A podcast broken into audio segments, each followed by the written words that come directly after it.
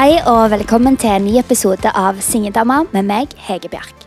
Før vi går i gang med dagens episode, så vil jeg bare si tusen takk for alle fine tilbakemeldinger etter de forrige episodene. Gå gjerne inn og legg igjen noen stjerner i iTunes, eller skriv en liten omtale om du vil. Det setter jeg stor pris på. Gjest i dagens episode av Syngedama er artist Mari Eriksen Bølla. Hun er 16 år gammel, men har allerede oppnådd mye i sin karriere som artist. Hun begynte å synge i kor når hun var sju år, har tatt sangtimer, deltatt i UKM og vunnet stipendet. Og i fjor så vant du Idol som den yngste noensinne. Hun ga ut vinnerlåten Now That I Found You på Universal Music, og før jul så slapp hun òg julesingelen Christmas Time Is Nothing Without You. Nå jobber hun med å skrive ny musikk. Velkommen til Syngedama Mari. Tusen takk. Veldig kjekt å ha deg med i podkasten. Veldig veldig kjekt at jeg får komme. Åh, dette har jeg gleda meg til. Jeg tenkte at vi kunne bare begynne rett på med denne faste spalten min. Er det greit? Ja, helt topp. Ti faste spørsmål. Spørsmål nummer én. Har du en favorittvokalist? Jeg er veldig veldig, veldig glad i Ariana Grande som vokalist, og hun er en stor inspirasjon for meg. Og òg Billie Eilish. Spørsmål nummer to. Har du noen faste rutiner før en opptreden? Jeg eh, Alltid før en opptreden så, så forbereder jeg meg jo godt. Og så har mamma et ordtrykk som hun alltid sier til meg, og det er 'fuck perfect'. Det er kun fordi at ting skal være perfekt, men eh, på en måte hun hvis det ikke går som det skal gå, så går det fint. på en måte. Det er en fin holdning å ha. Ja, det er jeg så enig i. Spørsmål nummer tre. Har du noen faste rutiner på kontoret, heter dette spørsmålet, men kanskje jeg heller skal omformulere det litt. Har du noen faste rutiner når du øver, eller når du jobber med musikk? Jeg er et veldig B-menneske, eh, så jeg jobber alltid veldig veldig seint. Går ofte inn i stua og setter på musikk og skal synge til det når klokka er sånn 11, 10-11, når jeg iallfall skal øve. Når jeg er i studio, så liker jeg òg veldig godt å være seint og ikke klokka sju på morgenen. Så jeg, jeg er veldig B-menneske. Det er veldig gøy. Om du er sånn som blir inspirert av å se på sånn Hvis du ser på Nå er det jo The Voice som går, men hvis det går et annet sånn Ja, Idol, for eksempel, hvis du ikke er med sjøl, eller et annet sånn musikkprogram, at du blir sånn inspirert at du sånn etter å ha sett det, at du begynner å jobbe? Ja, ofte. Det er veldig gøy å se på program og på en måte bli inspirert av sanger som du kanskje ikke tenkte at fantes engang, som du har hørt for lenge siden, som Ja. plutselig kommer i hodet, da. Mm. Skjønner meg igjen i det. Spørsmål nummer fire. Hva er det som inspirerer deg til å skrive eller til å synge? Um, hele livet så har jeg jo blitt veldig inspirert av sjølve livet, da. Uh, jeg skriver jo fra eh, enten min egen historie eller de rundt meg sin historie. Eh, og det syns jeg er veldig viktig når jeg iallfall skriver sjøl, at det er en historie som jeg kjenner til. Spørsmål nummer fem. Sangteknikk, ja, nei, hvilken? Jeg bruker jo sangteknikker. Det gjør jeg. Eh, jeg eh, som en av veldig få i Norge, tror jeg, så driver jeg veldig på med belting og sånne ting. Det er jo mange i Norge som driver på med det, altså. Det er ikke det jeg sier. Men det er vel kanskje ikke så mye brukt i Norge som det er brukt i USA. Så jeg eh, driver på med belting, og så gjør jeg jo Jeg synger egentlig veldig mye forskjellig. Men det er den sangteknikken som jeg liker best å bruke. Spørsmål nummer seks. Når begynte du å skrive musikk? Jeg har skrevet musikk helt siden jeg var veldig liten. Eh, men det er jo etter Idol jeg faktisk fikk begynt med sessions og fikk skrive skikkelig, da. Eh, og fikk med meg låtskrivere som er flinke, og som kan hjelpe meg på veien med å på en måte bli en veldig god låtskriver, da. Mm. Oh, jeg gleder meg til å høre flere nye ting. Spørsmål nummer sju. Har du en favorittmikrofon? Jeg synger i alle mikrofoner. Jeg har faktisk en liten, en liten historie på det òg. At meg og broren min, som holder på å bli produsent, satt på et hotellrom og skulle spille, eller begynte å skrive en sang, da. Eh, Og så fant vi ut av at vi fikk en sykt bra idé til en sykt bra vokal. Og så hadde vi ingen mikrofon med oss. Eh, Så da tok vi fram et gaming-headset som han hadde, og spilte det inn på den mikrofonen. Så det viser jo egentlig bare at jeg, jeg synger på alle mikrofoner som Ja. fins. Og lyden ble overraskende bra. Det Er det sant? Ja, Oi. så det er veldig, veldig gøy. Brukte dere det til noe etterpå? Eh, vi, har, vi har beholdt det i sangen, faktisk, så det er veldig gøy. Det er kult. Så løye. Det er veldig kult. Spørsmål nummer åtte. Hva er din største drøm? Jeg har helt eh, siden jeg begynte med musikk hatt en stor drøm om å stå på store scener foran et stort publikum som er der for å se meg. Eh, og det er det egentlig ennå. Men nå så har han liksom utvikla seg litt mer, og nå så er jo min største drøm å kunne stå på liksom Telenor Arena for et publikum som er der for å se meg, eller Spektrum, eller de store scenene, da. Så det håper jeg jo at jeg en dag får lov til. Hvor var det dere spilte inn Idol-finalen? Eh, H3. Ja. Mm. Så det er jo rett på sida til Ja, det er det. Så jeg Ja. eh, ble jo eh, Fikk jo litt stjerne i øynene da. Ja. Det er stort der òg, da. Eller det er ganske, det er ganske stort. Ja. Ja. Spørsmål nummer ni. Hvis du ikke var artist eller sanger, hva ville plan B ha vært? Jeg har alltid vilt bli artist, um, eller sanger, da, og jeg har alltid hatt lyst til å ha, ha en plan B. Og det er ikke fordi at jeg ikke har troen på meg sjøl, eller at jeg på en måte vil gi opp, da. Men det er fordi at jeg alltid har sett på å ha en plan B som en veldig lure ting. Men jeg har veldig lyst å drive på med noe som går fletter seg veldig inn i musikken, da.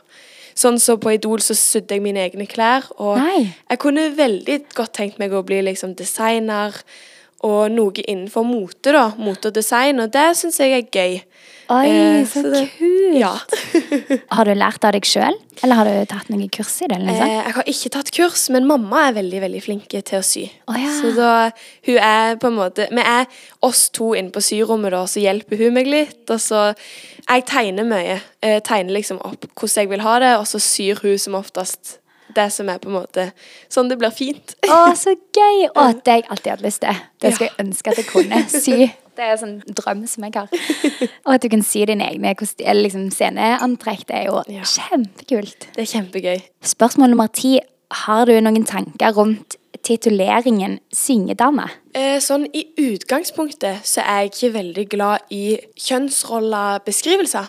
Men nå er vi jo damer som synger, så det er jo en veldig god beskrivelse på en måte òg. Ja. Ja. mm. Ja, du blir ikke liksom Du blir ikke eh, såra eller irritert hvis Nei. man kaller deg for syngedame istedenfor artist, eksempel, eller Nei, det gjør jeg absolutt ikke. Men samtidig så vil jeg heller bli kalt artist Ja. enn syngedame. Ja. Men det, det er nok fordi at jeg har et annet bilde av syngedama enn det jeg har av en artist. Ja, hva tenker du at ei syngedame er? Ehm, jeg ser vel føre meg mer sånn Stå rett opp og ned og synge, mens en artist er på en måte mer enn det. Ja.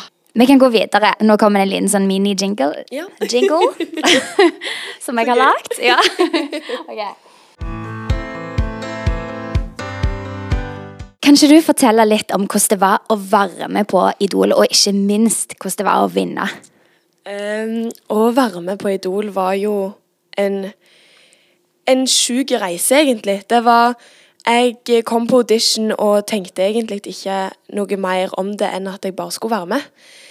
Og jeg ville vinne. Det sa jeg fra begynnelsen av at jeg har veldig veldig lyst til å vinne. Og jeg har lyst til å vise Norge hvem jeg er. Eh, men jeg hadde egentlig aldri tenkt at jeg skulle komme så langt.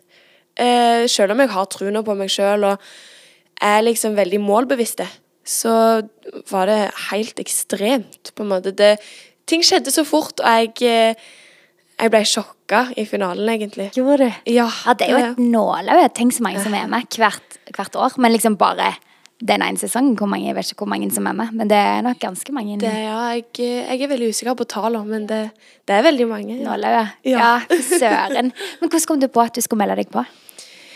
Jeg, eh, jeg har jo vært med på Idol Junior eh, når jeg eh, var ti år, i 2014.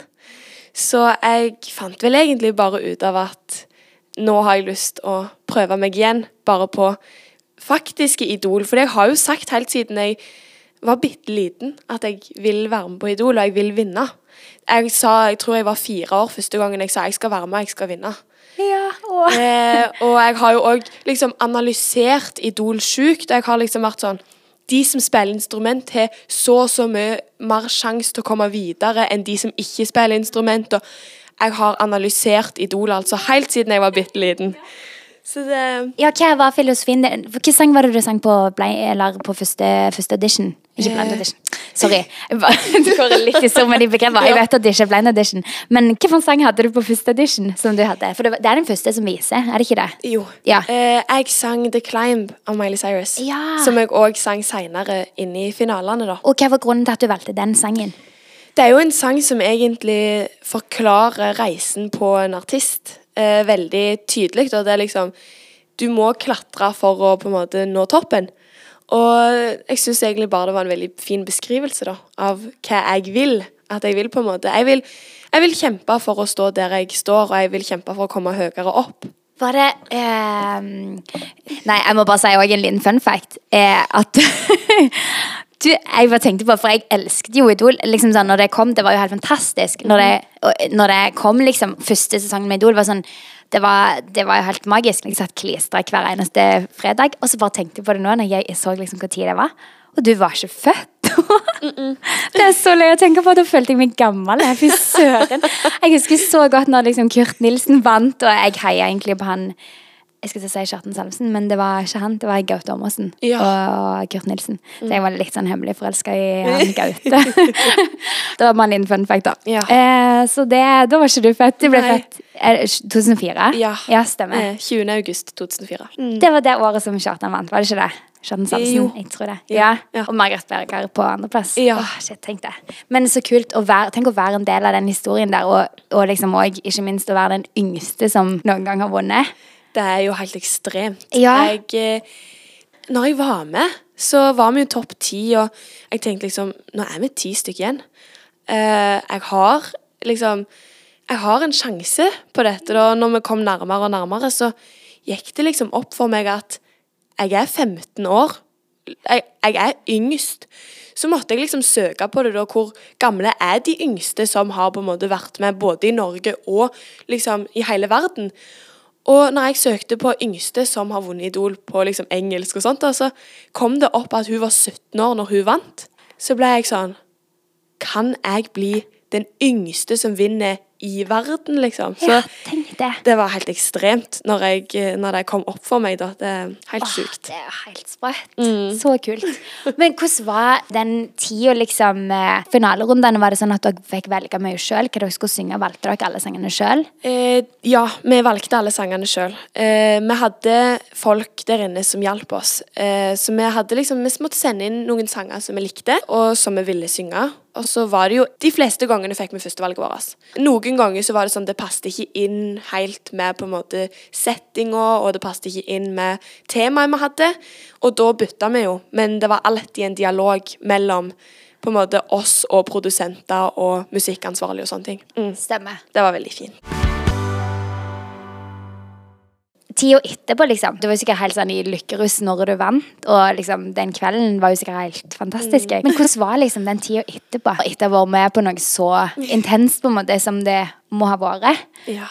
Først av alt så våkna jeg jo, og jeg hadde jo lagt meg med bustete hår og litt sminke på ennå, så jeg våkna jo med det største trollhåret som går an å finne, og med sminke som var litt sånn gnidd utover. Så tenkte jeg at dette her er liksom hvordan en Idol-vinner ser ut. Og det, det, det var liksom Det var veldig rart. Og så fikk jeg jo masse meldinger, og det gikk jo ikke helt opp for meg. Jeg tror ennå ikke det har gått opp for meg at jeg faktisk har vunnet. Altså, Fordi det er jo ekstremt stort, men samtidig så føler jeg meg ikke så store. Det er liksom det, Jeg føler ikke at jeg har gjort noe så stort i mitt liv. Det er veldig merkelig. Det er, jo, det er jo veldig stort.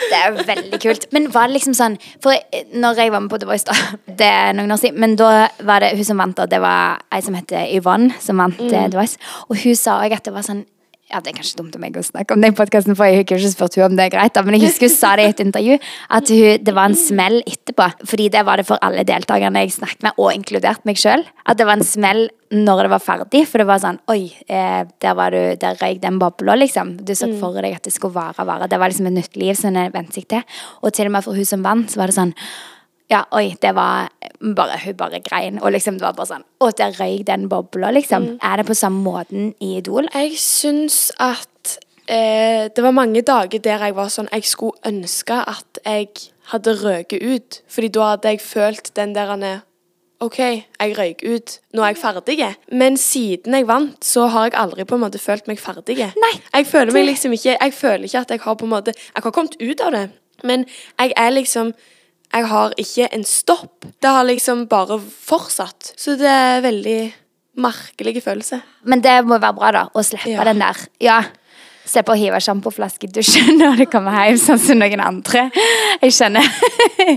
Men uh, har du fått uh, mye ut av det etterpå òg? Og liksom sikkert fått mange, blitt kjent med mange i, i bransjen og Ja, Uh, altså Idol for min del var Det er mange som sier at de finner seg sjøl i løpet av sånne ting, og jeg, jeg visste veldig godt hvem jeg var. Jeg visste hvem jeg ville være som artist, og det har jeg visst veldig lenge. Men det jeg fikk på en måte ut av Idol, det var jo det at jeg fikk møtt så ekstremt mange nye folk. Og i tillegg så ble jeg på en måte sterkere i meg sjøl. Og det er, altså, det er en opplevelse jeg ikke kunne vært foruten. Det er veldig gøy å høre om dette. Og hvordan var det egentlig For det var jo en spesiell tid som du var med i.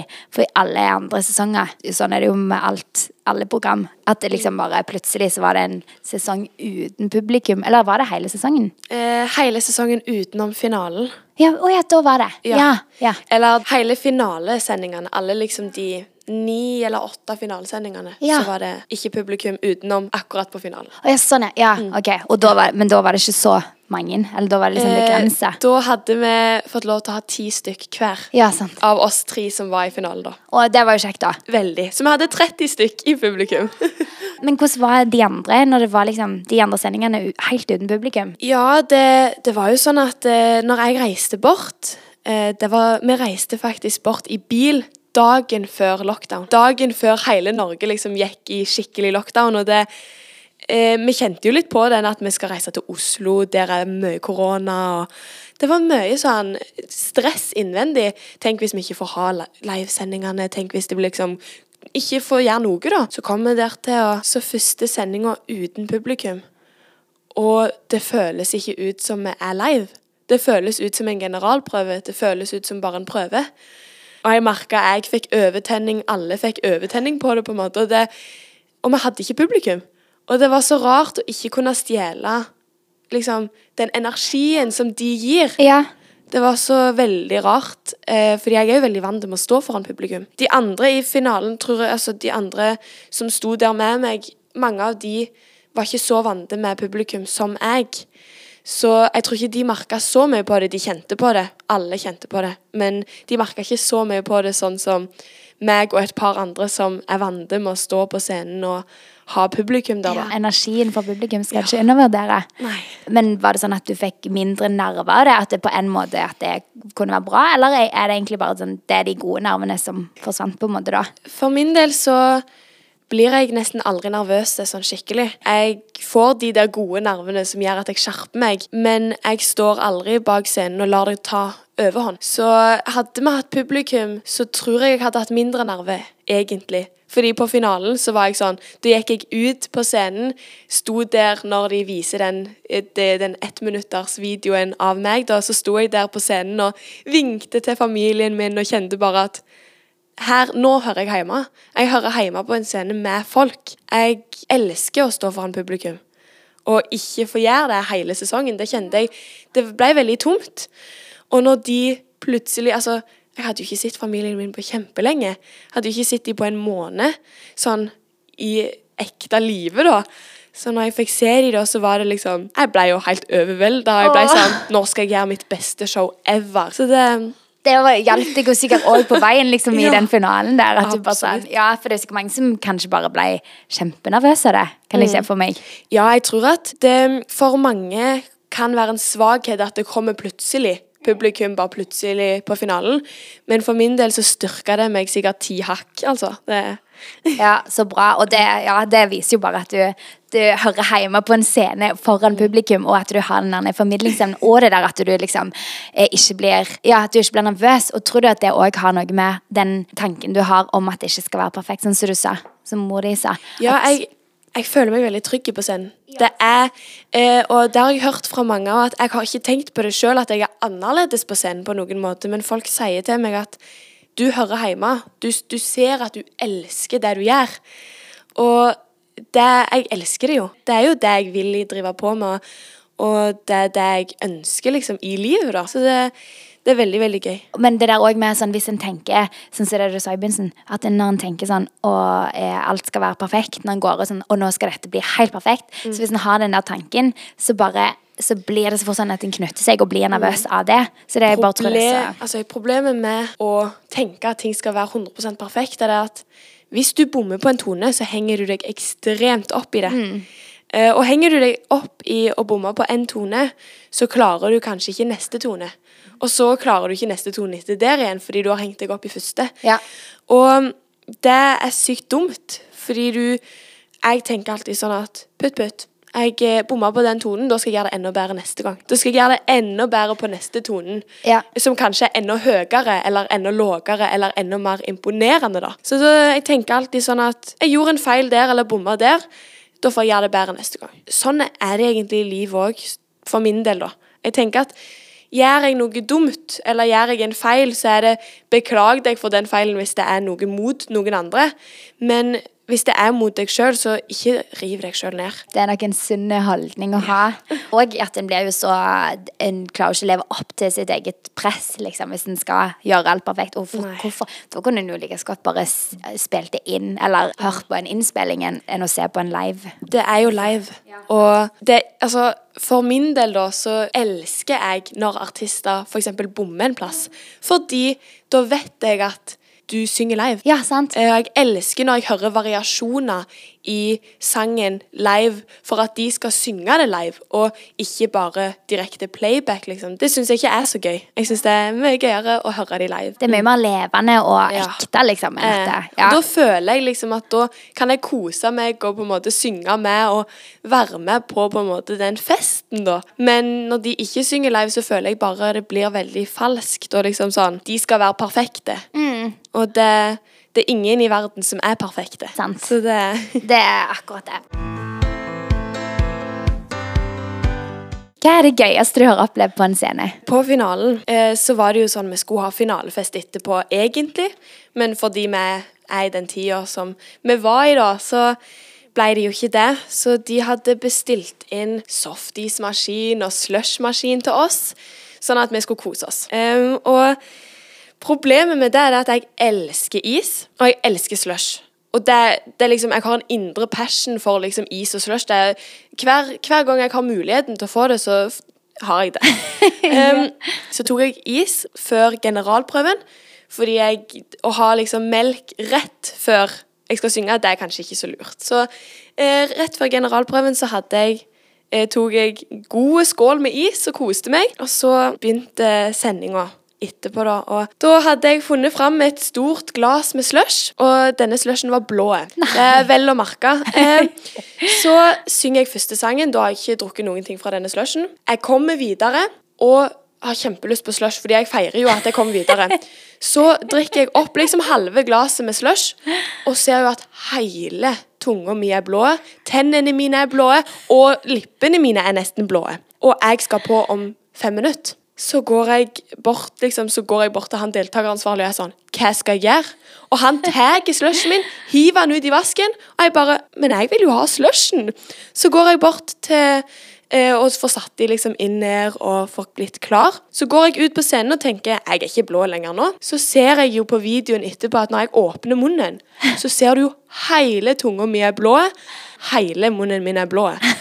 Og det er helt ekstremt, liksom. Det, det er nok det gøyeste jeg har vært med på. Sånn stressfaktor og gøy og Nei. Det er bra at du klarer å tenke at det er gøy. det er jo gøy, det er jo en veldig gøy historie, men at Ja. der og da altså, Å, jeg hadde blitt så stressa. Ja, ja, jeg ble jo det først, men Ja. eh, så tenkte jeg nei, nei, jeg er ikke blå nå lenger. Nei, men, eh, nå er det jo- godt over. var jo tydeligvis det, da.